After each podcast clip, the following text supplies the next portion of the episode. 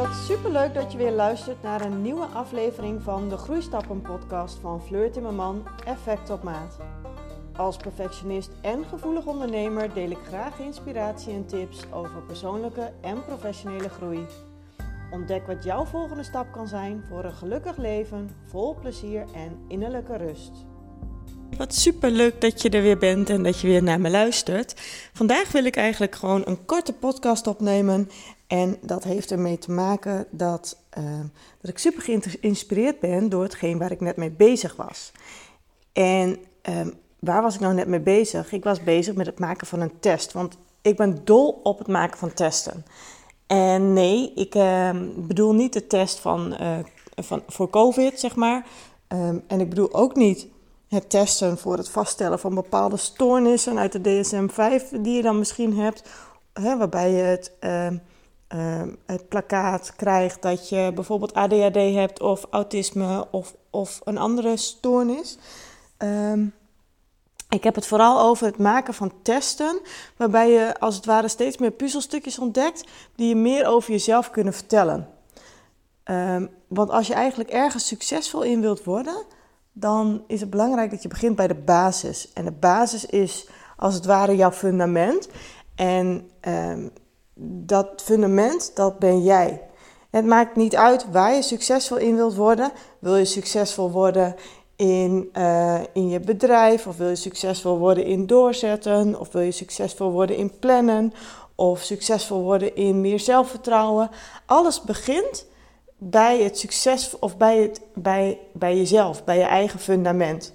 Ja, als jij uh, een succesvolle sporter wilt worden, of je wilt een succesvolle uh, stratenmaker worden, of een succesvolle coach, of je wilt succesvol op je werk zijn, een succesvolle werknemer. Alles, ook daarin, alles begint bij het fundament. En het fundament, dat ben jij, dat zit in jou. En waar bestaat dat fundament nou uit? Dat, nou, dat bestaat uit verschillende zaken. Dat bestaat uit um, je karakter, je persoonlijkheid. Dat bestaat uit je motivatie, je drijfveren, je waarden. He, waar sta je voor in het leven? Wat vind je belangrijk in het leven? Wat wil je bijdragen in het leven? Um, wat wil je ontvangen in het leven? Um, ja, wat voor gedrag laat jij zien? Wat zijn je patronen? Uh, wat heb je meegemaakt? Wat zit er allemaal in je rugzak? Uh, hoe zwaar is je rugzak? Welke ballen hou je allemaal omhoog? Dat zijn allemaal kleine puzzelstukjes, allemaal kleine dingen die je nodig hebt om te weten van jezelf of over jezelf, waardoor je uh, inzicht krijgt in jezelf, in jezelf en in je eigen gedrag en in je drijfveren en waarom je de dingen doet die je doet en, en um, um, wat daaronder zit, wat je behoefte is. Um, en ik bekijk dat eigenlijk regelmatig van mezelf. Ik weet heel goed wie ik ben, wat ik wil, waar ik naartoe wil, wat mijn dromen zijn, wat mijn doelen zijn. Maar dat kan ook veranderen in de loop van de jaren. Als ik terugkijk naar mezelf, um, dan heb ik mijn bedrijf nu vijf jaar. En ik ben nu, het is nu voor de zomervakantie. En uh, dat betekent dat ik in precies één jaar lang fulltime zelfstandig ondernemer ben. Vorige jaren deed ik het altijd naast mijn drie dagen werken in loondienst. Um, dus dat was echt vele malen minder. Ik ben nu het afgelopen jaar volledig zelfstandig ondernemer. En als ik zie hoeveel groei ik doorgemaakt heb in dit laatste jaar, dat betekent ook dat ik nu op een ander startpunt sta voor, uh, dan, dan vorig jaar. Dus als ik vorig jaar ging kijken wat zijn mijn dromen, wat zijn mijn doelen, um, dan kunnen die nu heel erg anders zijn ten opzichte van vorig jaar, omdat ik al veel meer onderweg ben richting mijn droomdoelen of uh, um, al heel veel doelen al heb behaald. En zo vond ik bijvoorbeeld toen ik nog in loondienst was, vond ik het behoorlijk spannend om volledig zelfstandig ondernemer te worden. Want ik hechtte op dat moment best wel heel erg veel waarde aan financiële zekerheid. Nou, nu zijn we een jaar verder en merk ik van, oh, maar die financiële zekerheid, dat was toen nog een heel erg beperking en een belemmering in uh, waarom ik bepaalde stappen zette of bepaalde stappen juist niet zette. Terwijl nu die financiële zekerheid voor mij echt niet meer de belangrijkste waarde is. Omdat ik nu ook het vertrouwen heb dat er als het ware financiële zekerheid is.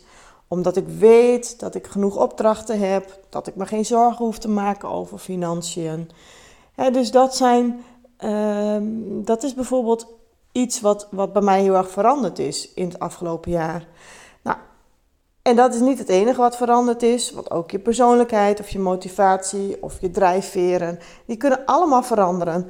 Ook hetgeen wat je in het verleden heeft tegengehouden als belemmering of als een patroon, daar kun je ook in gegroeid zijn.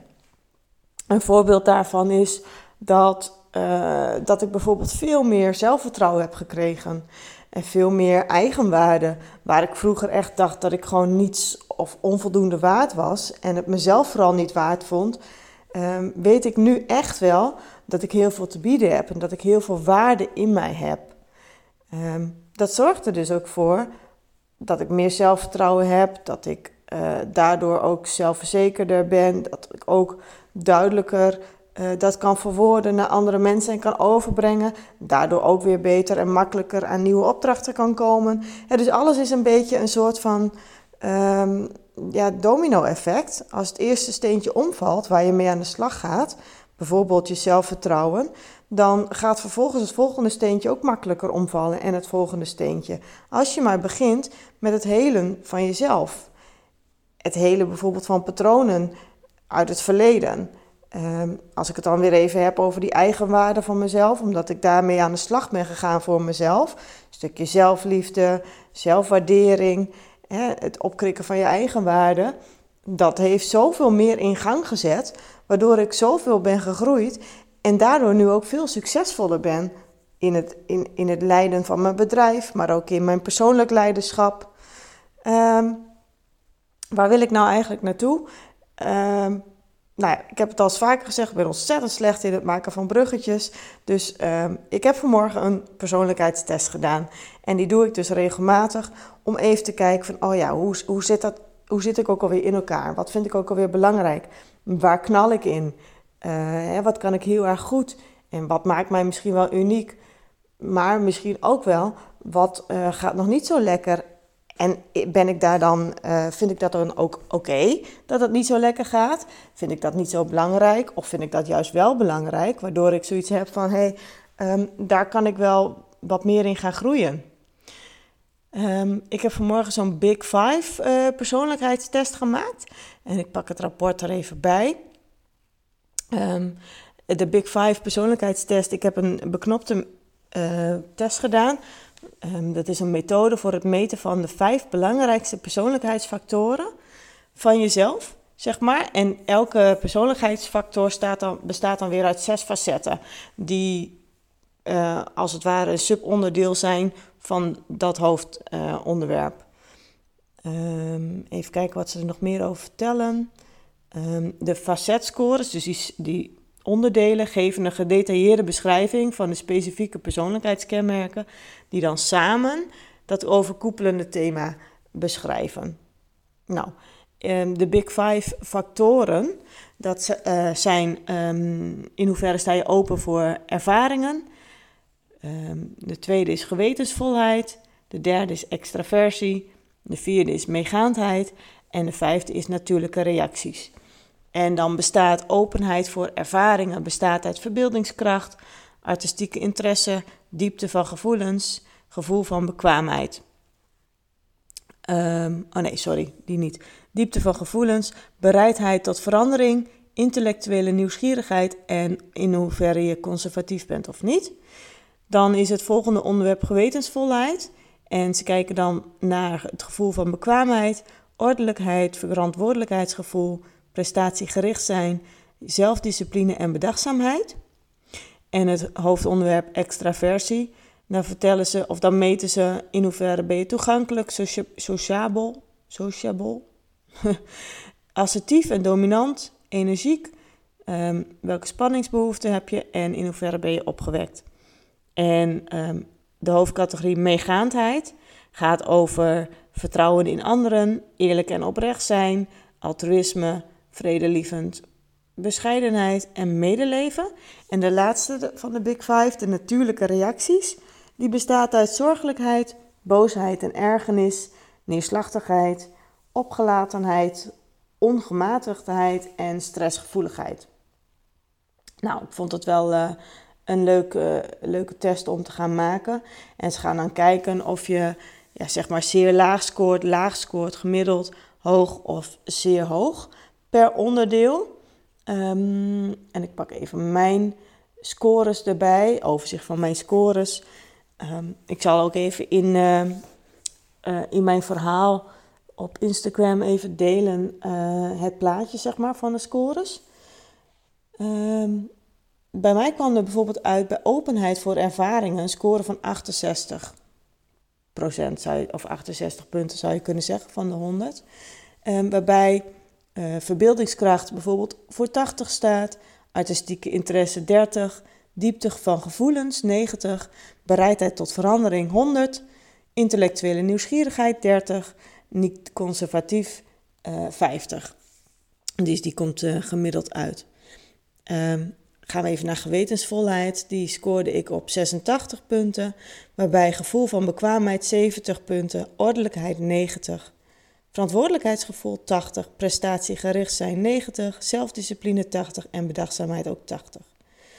Extraversie uh, als hoofdonderdeel kwam ik uit op 42 punten.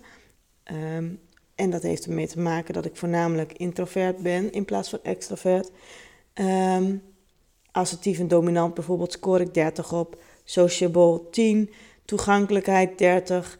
Uh, maar op energiek uh, scoor ik bijvoorbeeld weer 90 punten. En de spanningsbehoefte ook 90 punten. En dat zegt bijvoorbeeld bij mij dat ik best wel veel behoefte heb aan variabele um, dingen in mijn leven. En dat ik ook uitdaging en prikkels nodig heb voor spanning. Opgewektheid 70 punten. Nou ja, um, meegaandheid scoor ik 19 punten op. Um, waarbij vertrouwen in anderen wat aan de lage kant is. Uh, mijn eerlijkheid en oprechtheid 50 punten. Altruïsme 70. Vredelievend 70. Bescheidenheid 10. Uh, medeleven ook 10. Um, en de vragen daarin waren bijvoorbeeld in hoeverre heb je medeleven met mensen die dakloos zijn of mensen die het minder goed hebben dan jij. Um, nou, daar scoor ik eigenlijk vrij laag op en dat kan ik ook wel uitleggen.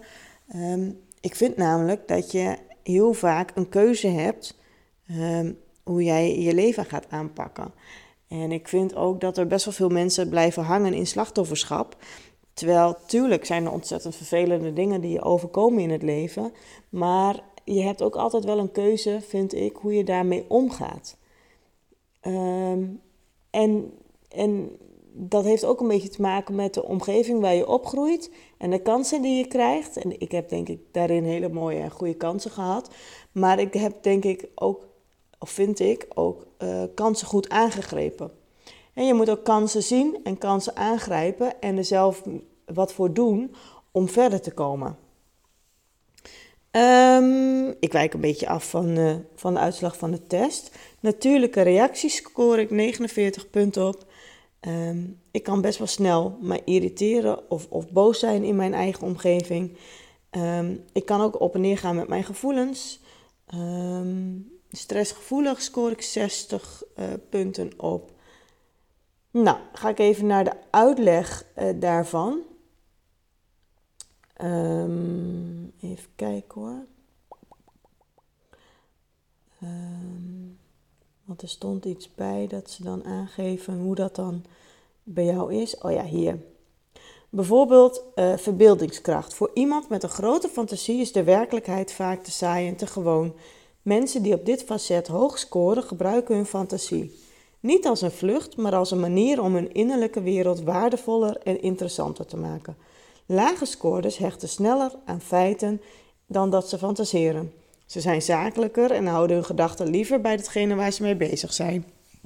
Bij mij staat er dat ik um, een score heb van 80 en daarmee in het hoge bereik zit. Even kijken, want er zit ondertussen een poes te um, kauwen aan een touwtje van mijn agenda. Uh, dat wil ik niet. Stop daarmee. Dus die ruim ik even op. Mijn artistieke interesse. Mensen die hoog op dit gebied scoren houden van schoonheid, zowel in de kunst als in de natuur. Ze raken gemakkelijk betrokken bij en verdiept in artistieke manifestaties en natuurverschijnselen. Ze hoeven niet per se te beschikken over een kunstzinnige opleiding of kunstzinnig talent, al zal dat vaak wel het geval zijn. De factoren die dit facet bepalen zijn belangstelling en waardering voor natuurlijke en kunstmatige schoonheid. Lage scorers hebben geen gevoel voor esthetiek en geen belangstelling voor kunst. Nou, bij mij wordt aangegeven dat ik een score heb van 30 en dat ik daarmee in het lage bereik zit. Ik kan me dan nu wel een beetje herinneren welke vragen ze daarover gesteld hebben. En dat ging bijvoorbeeld of je graag naar musea of tentoonstellingen gaat, of dat je van kunst houdt. Nou, ik hou niet per se van kunst, maar als ik dat dan nu teruglees over de natuurverschijnselen, daar hou ik wel heel erg van. Dus wat ik nu al merk is dat ik hier op dit stukje een soort van weerstand heb, of in ieder geval een weerlegging heb van, hé, hey, mijn score is laag of in het lage bereik, score van 30, maar ik weet van mezelf dat ik wel hou van de natuur en van natuurverschijnselen. Dus ik kan voor mezelf daarin ook duidelijk um, helder maken. Oh ja, wacht eens even. Ik hou wel van natuurverschijnselen. Dus dat is iets wat bij mij past en waar ik voor sta. Ehm, en dat kan ik dan weer meenemen. dus ook al komt er in dit geval een lagere score uit, weet ik tijdens het lezen van het verhaaltje, oh maar wacht eens even, dat past wel bij mij, dat hoort wel bij mij. Dus dat kan ik weer noteren als in uh, um, onderdeel van mijn fundament. En wat ik misschien ook wel wil uitdragen. Als ik kijk naar wat ik allemaal deel op social media, dan uh, heeft dat vaak ook te maken met natuur. Dat ik aan het wandelen ben in de natuur of in het bos, of dat ik richting water loop, um, of dat ik um, um, geniet van de eendjes of de ganzen of de zwanen, of van de bloemen of, of van vlinders. en dat zijn allemaal dingen die te maken hebben met de schoonheid van de natuur. Dus ik weet dat dat oprecht wel bij mij past en hoort. Je zult mij inderdaad niet snel een foto van een schilderij zien uh, delen. Uh, als ik kijk naar mijn dochter, mijn dochter maakt heel veel schilderijen. Die schildert heel veel. Die is daarin echt al veel meer met kunst bezig uh, dan ik. Ik vind de schilderijen van mijn dochter wel heel erg mooi. Maar het is niet iets wat ik uit mezelf zou gaan opzoeken. Nou, ik noem er nog even een paar. Diepte van gevoelens. Mensen die hoog scoren op dit facet zijn zich bewust van hun eigen gevoelens en kunnen daar goed mee overweg. Lage scorers zijn zich minder bewust van hun gevoelens en zullen hun emoties niet zo snel openlijk uiten. Nou, mijn score is 90 en daarmee zit ik in het hoge bereik, staat er. En dus dat betekent mensen die hoog scoren zijn zich bewust van hun eigen gevoelens en kunnen daar goed mee overweg. En dan ga ik dan voor mezelf nadenken en bedenken van, hey, klopt dit voor mij ook, deze uitspraak of deze bewering? En ik vind dat deze bewering ook heel erg klopt. Ik ben altijd heel erg bezig met, oké, maar wat voel ik nou precies? Ik ben aan het reflecteren, aan het ontdekken, zoals van helikopterview. Als ik in mijn emoties zit, wat gebeurt er nu? Wat voel ik nu? Waar komt het vandaan? Waar heeft het mee te maken? En wat is ook de behoefte die ik hierin heb? Wat heb ik nodig? Um, dat maakt ook dat ik daar dus ook goed mee overweg kan betekent niet altijd dat een ander daar goed mee overweg kan. Want ik kan wel heel goed weten wat mijn gevoel is en waar het vandaan komt en wat mijn behoefte is. Uh, maar dat betekent dat ik ze niet altijd op een leuke manier kan uiten. Ik bedoel, ik kan best wel eens tekeer gaan tegen, uh, nou misschien eigenlijk alleen maar hier thuis. Bij een ander zal ik dat niet zo heel snel doen, denk ik. Uh, maar kan, ik, kan, ik kan best wel eens uit mijn slof schieten. Of vanuit mijn irritatie of ergernis in de emotie schieten. Dan weet ik op dat moment, oh ja, wacht eens even, dit is wat er aan de hand is. Maar dat betekent wel dat het, ja, soms het leed al geschied is. En dat, dat ik een ander al iets heb aangedaan. En een ander reageert ook altijd vanuit zijn eigen perceptie, vanuit zijn eigen patronen, vanuit zijn eigen overtuigingen, vanuit zijn eigen verleden, trauma's die niet geheeld zijn of, of eh, delen van het innerlijke kind die niet geheeld zijn. Dus um, ik kan wel goed omgaan met mijn emoties, of, hè, um, maar dat betekent niet dat een ander goed kan omgaan met mijn emoties. dat is ook altijd nog weer een onderdeel van samenwerken.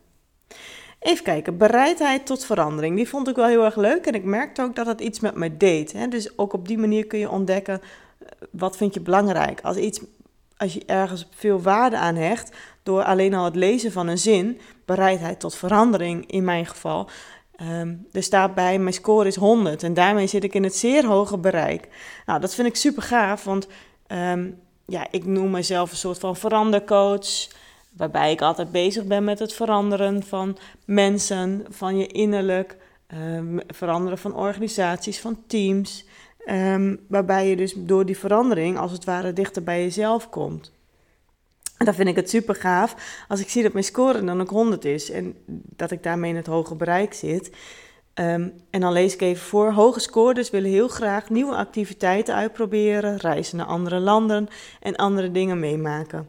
Vertrouwdheid en routine vinden ze saai. Lage scoorders voelen zich meestal niet op hun gemak bij verandering en volgen liever hun vaste patronen.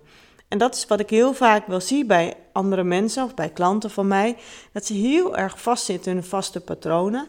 Ehm, eigenlijk als het ware hun comfortzone heel erg klein hebben gemaakt en daarmee niet echt overgaan tot de actiestand.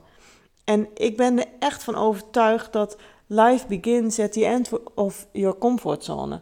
Want als je nooit uit je comfortzone stapt, dan hou je je wereldje heel erg klein uh, hou je heel erg vast, kun je ook moeilijk loslaten. En daarmee doe je ook weinig zelfvertrouwen op. Het omgaan met nieuwe situaties, het uitproberen van nieuwe dingen ehm, en nieuwe activiteiten, of het, alleen al het reizen naar andere landen. Ja, ik vind dat super gaaf. Het reizen naar andere landen, want je krijgt dan te maken met andere culturen, andere gewoontes. Je ziet ook even weer hoe andere mensen dingen aanpakken, andere culturen. En dat maakt ook dat je dan wat, wat sneller weer naar jezelf kunt gaan kijken. Van hé, hey, oké, zij doen dit op deze manier, wij doen het op deze manier. Um, gisteren had ik een heel mooi gesprek met een directeur van een school. Zij gaf ook nog een heel mooi voorbeeld aan. Weet je, dat wij in Nederland stoppen uh, voor een rood stoplicht en dat we gaan rijden bij een groen stoplicht. Dat is puur een gedragsafspraak die we met z'n allen in deze maatschappij hebben gemaakt. En in andere landen kan dat heel erg anders zijn. Um, dus, dus het zijn ook gewoon een stel afspraken en regels die we met elkaar afspreken, hoe we ons gedragen. Um, en op het moment dat je ergens anders naartoe gaat, word je even weer bewust van: oh, wacht eens even, dit zijn de afspraken die ik heb gemaakt met mijn omgeving of met mezelf. En zo doe ik de dingen. Maar je kunt het ook op hele andere manieren doen. En het hoeft niet allemaal op deze manier. Op die manier kun je dus even weer uh, scherp naar jezelf kijken van oké, zijn er dingen die ik anders wil? Wil ik andere uitkomsten? Als ik andere uitkomsten wil, dan zal ik ook mij anders moeten gaan gedragen. Um, ja, intellectuele nieuwsgierigheid scoor ik 30 en daarmee zit ik in het lage bereik. En ik merk dat ook daarin een stukje weerstand bij me zit. Um, mensen die hoog scoren op intellectuele, Mensen die hoog scoren op intellectuele nieuwsgierigheid spelen graag met ideeën. Ze staan open voor nieuwe en onalledaagse ideeën en gaan graag in discussie over intellectuele kwesties. Ze houden van intellectuele vraagstukken, puzzels en hersenkrakers. Lage scores houden zich liever bezig met mensen of dingen dan met ideeën. Ze vinden intellectuele activiteiten zonde van hun tijd. Oh, en als ik het nu lees, dan denk ik, oh, maar dat klopt dus wel. Want ik vind het inderdaad veel fijner om me bezig te houden met mensen uh, of dingen dan dat ik bezig ben met het kraken van puzzels. Dus, dus waar ik in eerste instantie een soort van weerstand merkte bij mezelf, heb ik nu na het lezen van een stukje tekst, oh nee, wacht eens even. Het klopt inderdaad. Ik hou me liever bezig met mensen. Um, dat is ook weer zo'n zinnetje die ik dan weer kan toevoegen aan mijn fundament aan het helder maken van hé, hey, wat vind ik belangrijk in het leven? Ja, ik hou me liever bezig met mensen. Ik hou bijvoorbeeld heel erg van uh, diepe gesprekken, persoonlijke gesprekken. Wat houdt je bezig? Wie ben je? Wat, wat zijn je dromen? Hè, dus um, nou, dat klopt dus wel heel erg. Um, ik sla even een paar over. Um, kom ik hier bij de gewetensvolheid. Gewetensvolheid beschrijft hoe georganiseerd, gemotiveerd en grondig iemand is in het leven en bij het nastreven van doelen. Hoge scores zijn systematisch, gemotiveerd en goed georganiseerd. Lage scores zijn gemakkelijk in de omgang, minder geconcentreerd en minder geneigd tot het maken van plannen.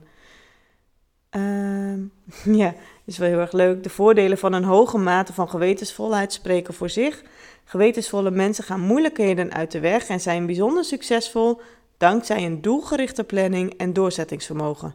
Bovendien worden ze door anderen in positieve zin beschouwd als intelligent en betrouwbaar.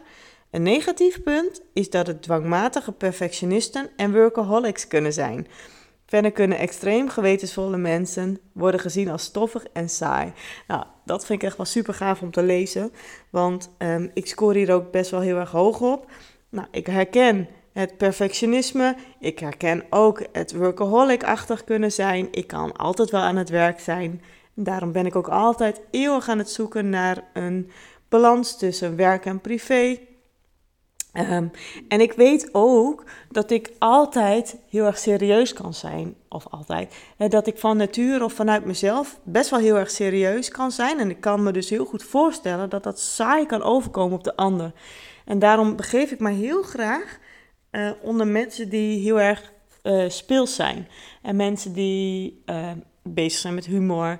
Want als iemand anders daarmee begint, dan, um, pardon, dan moet ik zelf, um, dan word ik zelf ook speels. En ik weet dat die speelsheid iets is wat ik nodig heb om niet altijd in mijn serieuze stukje te zitten. Dus dit zinnetje kan me heel erg helpen bij het um, helder hebben van hey, dit is een valkuil van mij. Perfectionisme, workaholic zijn, uh, stoffig en saai. Nou, stoffig weet ik niet zozeer, maar saai. Um, dat is een valkuil van mij. Dus daar wil ik mij ook behoorlijk scherp in houden en ook in blijven ontwikkelen. Dat ik bewust tijd inplan voor niet werken, voor pauzes. Dat ik bewust kijk naar, um, oké, heb ik dit nu perfect? Wil ik het nog verder perfectioneren of is het nu voldoende voor mij? Dus hier haal ik mijn doelen eh, bijvoorbeeld uit. Um, even kijken. Je score op gewetensvolheid bedraagt 86. Daarmee zit je in het hoge bereik. Um, nou. Ordelijkheid 90. Mensen met een hoge score op dit gebied zijn goed georganiseerd, netjes en opgeruimd. Um, ze houden van lijstjes en maken plannen. ja, dat past ontzettend goed bij mij. Lage scores hebben de neiging ongeorganiseerd, slordig en minder systematisch te zijn. En wat ik wel even wil aanstippen is dat er geen goed of fout is. Het is niet goed of fout dat ik hoog score op ordelijkheid en dat jij bijvoorbeeld daar laag op zou scoren. Want uh, jij scoort weer hoog op andere zaken waar ik misschien wel weer laag op score. En dat maakt ook ieder mens weer uniek. Hè? Het is ook belangrijk dat je ontdekt wie ben jij? Wat vind jij belangrijk en waar sta jij voor? Wat is jouw fundament? Dit is mijn fundament wat ik nu met je doorneem. Eigenlijk best wel heel erg um, ja, intiem, persoonlijk. Dat ik, dat ik gewoon nu, ik heb net de uitslag binnen en ik lees gewoon voor het eerst deze uitslag door en die deel ik gelijk met jou. Um, dat geeft ook wel weer iets aan waar ik ook voor sta. Ik sta ook heel erg voor openheid, um, voor eerlijkheid, voor um, gelijkheid. Weet je, ik ben niet perfect. Als perfectionist zou ik dat soms wel eens willen. Maar um, ik heb ook mijn leerdoelen. Ik heb ook mijn mindere kanten. Ik heb ook mijn valkuilen. Ik heb nog steeds trauma's of andere zaken uit het verleden, patronen die ik wil doorbreken of die ik wil helen. Ik heb ze misschien alleen op een ander niveau uh, dan jij of op een ander onderdeel dan jij. Mijn verantwoordelijkheidsgevoel is ook 80 in het hoge bereik. Um, dit persoonlijkheidsfacet weerspiegelt de kracht van iemands plichtsbesef en gevoel voor betrokkenheid. Mensen die hierop hoog scoren, voelen zich sterk moraal verplicht, moreel verplicht. Ze zijn doorgaans ethisch en heel principieel. Lage scorers vinden contracten, regels en voorschriften overdreven beperkend. Ze staan veel minder attent in het leven en kunnen enigszins onbetrouwbaar of zelfs onverantwoordelijk zijn. En daarmee vind ik ook um, dat ze veel speelser bijvoorbeeld in het leven kunnen zijn. Ik, ik heb wel eens last van dat hoge verantwoordelijkheidsgevoel, hè, dat plichtsbesef. En dat houdt mij best wel eens vast in mijn stramien. En daarmee beperk ik mezelf ook wel eens. Dus mijn verantwoordelijkheidsgevoel zou ik, hè, scoor ik nu best wel hoog in, maar die zou ik eigenlijk wel uh, wat lager willen laten zijn, omdat ik dan ook uh, wat minder bezig ben met regels en afspraken en contracten. Want in de kern sta ik wel heel erg voor vrijheid. En merk ik dat ik ehm, vrijheid heel erg belangrijk vind. En, en regels en afspraken vind ik soms heel erg beperkend. Prestatiegerichtheid scoor ik 90, daarmee zit ik in het hoge bereik. Ehm, mensen die hoog scoren op dit gebied doen hun uiterste best om uit te blinken. Ze willen graag als succesvol worden bestempeld en die drive houdt hen op de been tijdens inspanningen die ze verrichten om hun doelen te bereiken. Ze zijn heel ambitieus en ze weten goed wat ze willen in het leven. Ehm, mensen die hierop extreem hoog scoren kunnen ook echter ook te doelbewust en te geobsedeerd zijn door hun werk, waardoor ze het risico lopen workaholics te worden. Nou, gelukkig uh, heb ik daar niet te hoog mee gescoord, wel heel hoog. En het klopt ook wel. Ik, heb een behoorlijke drive. Um, ik ben heel erg ambitieus. Ik weet heel goed wat ik wil in het leven. Dus dit klopt ook. En ik ben ook heel erg prestatiegericht opgevoed. Dus ook daarmee klopt dit hele verhaal wel met hoe ik in elkaar zit. Nou, er is nog heel veel te vertellen over deze test en over de uitslag. Um, als je nou deze test ook wilt doen, um, je kunt een gratis versie doen op um, 123test.nl. Uh, zoek dan even op Big Five persoonlijkheidstest. Ik heb de betaalde versie gedaan. Die kostte mij 15 euro, 14,95. Um, omdat ik het voor mijzelf heel erg belangrijk vind om um, deze onderdelen weer te gebruiken voor mijn fundament. Om mijn fundament scherp en helder neer te zetten. En dat is dus waar ik nu mee bezig ben. Um, het gaat er niet om dat je vastgezet wordt als dit is wie ik ben. Het geeft je informatie. Wie ben je? En waar liggen eventueel je krachten, je talenten? Waar liggen nog je uitdagingen, uh, je leerdoelen, je ontwikkelpunten? Uh, want alleen maar door inzicht daarin te krijgen, uh, kun je ook succesvoller worden in het leven. En vooral in je persoonlijk leiderschap.